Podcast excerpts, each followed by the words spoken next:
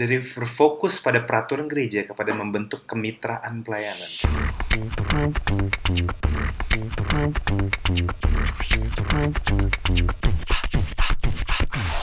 Hey, what's up guys? Uh, ini Ragu Lewi. Dan gue Denny Gamadi. Kita ketemu lagi di Let's Talk About Church podcast. Yes, because church is you.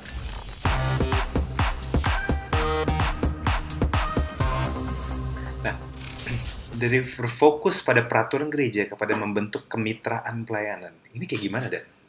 Kemitraan pelayanan, partnership gitu maksudnya. Iya, bener. Jadi hubungan kita dengan para pelayan yang lain itu partner. Bukannya bos sama anak buah gitu loh. Oh, wow. Jadi bukan ini peraturan begini ya, kamu mesti masuk ke sini. Tapi kita lihat mereka sebagai partner yang sama-sama melayani di ladang Tuhan dengan job desk yang berbeda. Oh, nah di situ this. ada humility yang berbeda. Kan? Love this. Suka banget gue. Nah, Nice, nice, nice. Jadi kita sama-sama orang yang ditebus gitu ya. Ya. Hmm. Ah, itu. Itu mindset yang orang suka lupa. Hmm. Makanya, karena gini, mindset kita sama-sama orang ditebus, itu mindset yang gue rasa semua pemain, pelayan dan semua anak Tuhan yang belum melayani pun harus punya. Kenapa? Hmm. Karena gini, kenapa seorang bisa ngejudge orang? Itu karena mereka nggak tahu diri. Hmm. Ketidaktahu dirian mereka, bahwa mereka tuh nggak tahu diri, mereka tuh berasal dari mana. Mereka Hmm. pun juga berdosa, cuma kebetulan dosanya beda sama orang lain. Hmm. Itu yang bikin orang jadi suka menghakimi dan Iya. sebagainya. Oh, ini dosanya parah. Padahal nggak ada dosa yang parah dan nggak ada dosa yang dosa yang baik. Semuanya tuh parah di mata Tuhan. Iya, iya. Everyone, everything is bad in God's Hmm. eyes. Hmm. Dan dan kemitraan ini dan mengerti bahwa kita nih sama-sama teman pewaris kasih karunia, kita sama-sama orang berdosa, kita sama-sama diampuni. Ini yang harusnya jadi dasar kita. Ini common ground kita, partnership kita. Hmm. Mungkin posisimu mungkin kasarnya posisi paling tinggi. Mungkin you are the senior pastor. Hmm. Tapi gue rasa even senior pastor harus menyadari bahwa keunggulanmu hanya kebetulan. Mungkin ini pendapat gue ya. Hmm. Kamu jalan sama Tuhan lebih lama daripada Hmm. orang yang di bawah kamu. Hmm. Hmm. Mungkin kalau kamu startnya bareng-bareng, belum tentu kamu lebih rohani dari dia. Iya. Ini itu prinsip yang gue selalu pegang. Setiap kali gue ngeliat orang-orang yang melayani bareng gue, gue tidak pernah merasa lebih dari mereka. Gue cuma merasa bahwa kalau mungkin kita start, kita ngalamin pelayanan yang sama, kita Ah, ngalamin pengalaman yang sama, yes. dia bisa aja lebih baik dari gue. Hmm. Hmm. Hmm. Kebetulan kita ya kita ngikut Tuhan sekitar beberapa belas tahun lebih lama dari mereka aja mungkin. Jadi kita mungkin ya sedikit di depan lah. Hmm. Kita faktor umur aja, faktor maturity in Christ aja yang bikin kita unggul. Tapi Hmm. sebenarnya kita sama-sama. Benar. Gue rasa men- mental itu yang kita harus pegang kayak ya nggak sih? Kayak- Iya, benar, benar. Nah, juga ini dari bergantung pada institusi pelatihan kepada mendirikan pelatihan lokal. Wow, Lu kebayang nggak banyak gereja tuh pakai outsource? Iya iya iya. Wah, kita butuh pelatihan worship. Ya kita kita panggil deh organisasi worship ngajarin kita.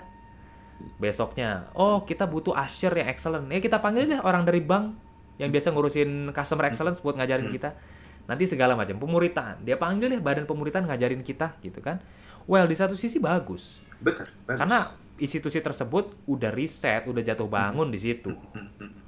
Tapi sebenarnya ini menunjukkan satu masalah besar. Kenapa lu nggak bisa training anggota lu sendiri? What's the Nice. problem? Itulah kenapa mungkin pelayan bilang lu munafik.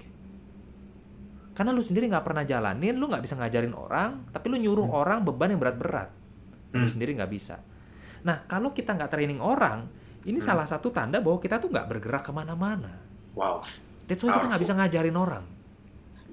Nah, waktu kita bikin local training center, Hmm, hmm. kita bagi apa yang jadi journey kita, value kita, arah kita ke mereka. Dan mereka jadi sesuai dengan apa yang Tuhan taruh di hati kita. Karena kita ini Hmm. bukan EO gitu loh. Hmm. Kalau kalau kita adalah elders, kita adalah pastors, kita bukan EO yang ngumpulin resource, cuma jeng jeng jadi gitu ya, Hmm, hmm, hmm. bukan. Kita bukan IO, Bukan. Kita ini anjing penjaga. anjing penjaga. Kan gembalanya Yesus Kristus. Betul. I agree with that. kita di bawah dia gitu loh. Kita ngerjain orang-orang, kita ngelatih kan, nice. kita guiding nice. mereka. Yes. Nah, Nah, yang waktu kesembilan. kita mendirikan, yep, Oh, enggak, enggak. Waktu mendirikan apa lu dulu? Satu aja. Waktu kita mendirikan pelatihan lokal, Hmm. mindset kita berubah. Kita bukan sebuah enterprise. Kita sebuah perjalanan. Kita adalah sebuah saga, guide, nge-guide orang lain. This Sehingga kita cool. nggak akan terlalu gampang menghina orang lagi. Nice.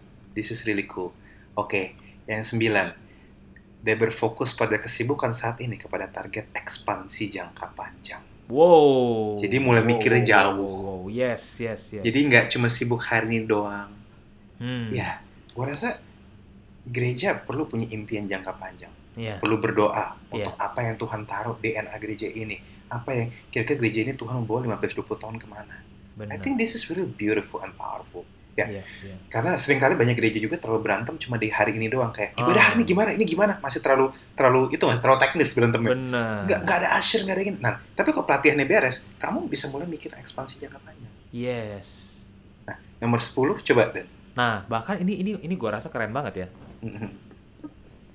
Waktu di episode 1 kita bahas soal persekutuan-persekutuan yang bukan gereja. Oke, that's good. Tapi seperti yang lu sampaikan juga kan, Hmm. ini ke depannya mau ke mana? Ya bayangin Hmm. sekarang anak muda, umur 20-an, lu bisa kumpul di persekutuan nih. Hmm. Tapi waktu lu mulai nikah, lu butuh premarital counseling. Siapa yang bisa bimbing lu? Waktu lu punya anak, Betul.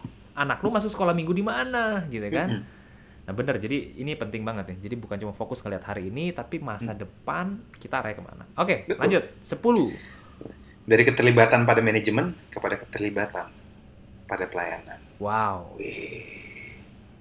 wow. Lu pernah lihat gak? Banyak apa? elders yang pegang posisi, tapi nggak Tapi melayani. nggak ngapa-ngapain. Nggak melayani orang. Banyak. Ya, Dia ngitung Banyak persembahan, dia ngatur asyir jamnya berapa, dia perbaikin sound dan lain-lain. Tapi dia tidak melayani manusia. Menurut lu itu tepat nggak? Apa panggilannya emang itu atau itu ada yang kurang pas? Kalau bagi gue, ini pendapat gue. Walaupun mungkin job description terbesar mereka adalah itu, tapi tetap mereka perlu ada sentuhan sama manusia. Hmm. Kenapa? Karena ingat, this is, sorry, with all due respect, this is people-oriented Yap. ministry. But Yap. This is people-oriented business kasarnya. Kalau Hmm. lu nggak bisa, minimal, you may not be the best, tapi lu harus at least sentuhan sama orang sedikit. bener. Karena paling sederhana deh. Iya, betul, betul, betul. Gimana? Lu orang teknik ya, Hmm. lu orang sound yang hebat Betul, banget. betul, Dan setiap minggu lu pegang sound system sangat the best. betul. Very good, tapi umur lu berapa sih? Lu paling pelayanan 40 tahun, kemudian kita meninggal. Terus setelah lu meninggal, sound gereja jadi jelek dong gara-gara lu meninggal. Betul. Kita butuh ngelatih protege kita, team of proteges kita, yang Hmm. kemudian nanti gantiin kita. Lu fotografer yang hebat di gereja, lu videografer, oke very good. Tapi lu mesti bisa muridin orang lain untuk punya hati yang takut akan Tuhan, integritas, dan profesionalitas. That's nice. So tetap, tetap, ya lu bilang tadi, investasi terbesar SDM.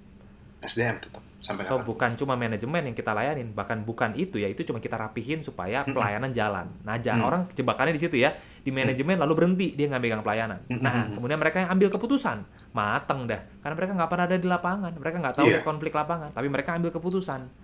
Itu titik-titik kritisnya. Nah, yang ke-11. Terakhir Last dari, but not least. Yep, Dari, dari, mengejar, mengejar pertumbuhan gereja kepada, Kepada- mendambakan pertumbuhan Injil. Nah, bedanya gini. Pertumbuhan gereja itu kan ngomongin jumlah gedung Yes. dan yes. keuangan. Hmm. Jangan-jangan di Indonesia yang terjadi itu sebetulnya cuma pertumbuhan karena baptisan bayi. Maksudnya orang Kristen cuma pindah gereja tiap 10 tahun. Gitu First ya? 10 years lu di gereja ini. Pas mulai remaja, eh gereja itu asik diajak temen. Pas mulai nikah dipindah ke gereja pacarnya. Pas udah punya anak dipindah ke gereja yang sekolah minggunya bagus. Hmm. Nah jadi sebenarnya kita nggak bertumbuh, kita cuma mobilitas gerejawi. Wow. Lalu ada Betul. gereja yang bangga, weh gereja kami ratusan ribu, tunggu dulu. Itu dulu dari 10 gereja pindah ke satu gereja doang. Jadi mobilitas, nggak ada pertumbuhan Injilnya. Ya, ya, ya. It's possible. Dan orang banyak nggak mau kerjaan pertumbuhan Injil bro.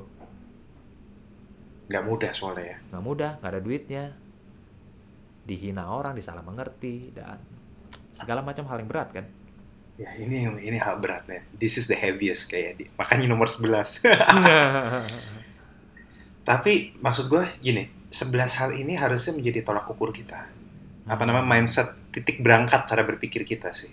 Ini aku rasa bisa membantu banyak hamba Tuhan, bisa membantu banyak pelayan untuk bisa ngelihat dari sisi yang berbeda dari sisi pelayanan. Karena Hmm. nggak bisa disalahin juga, banyak anak muda yang mikirnya sistem banget, mungkin nggak sepenuhnya salah mereka, karena mereka lahir dari gereja yang sistematis banget, ngerti nggak sih?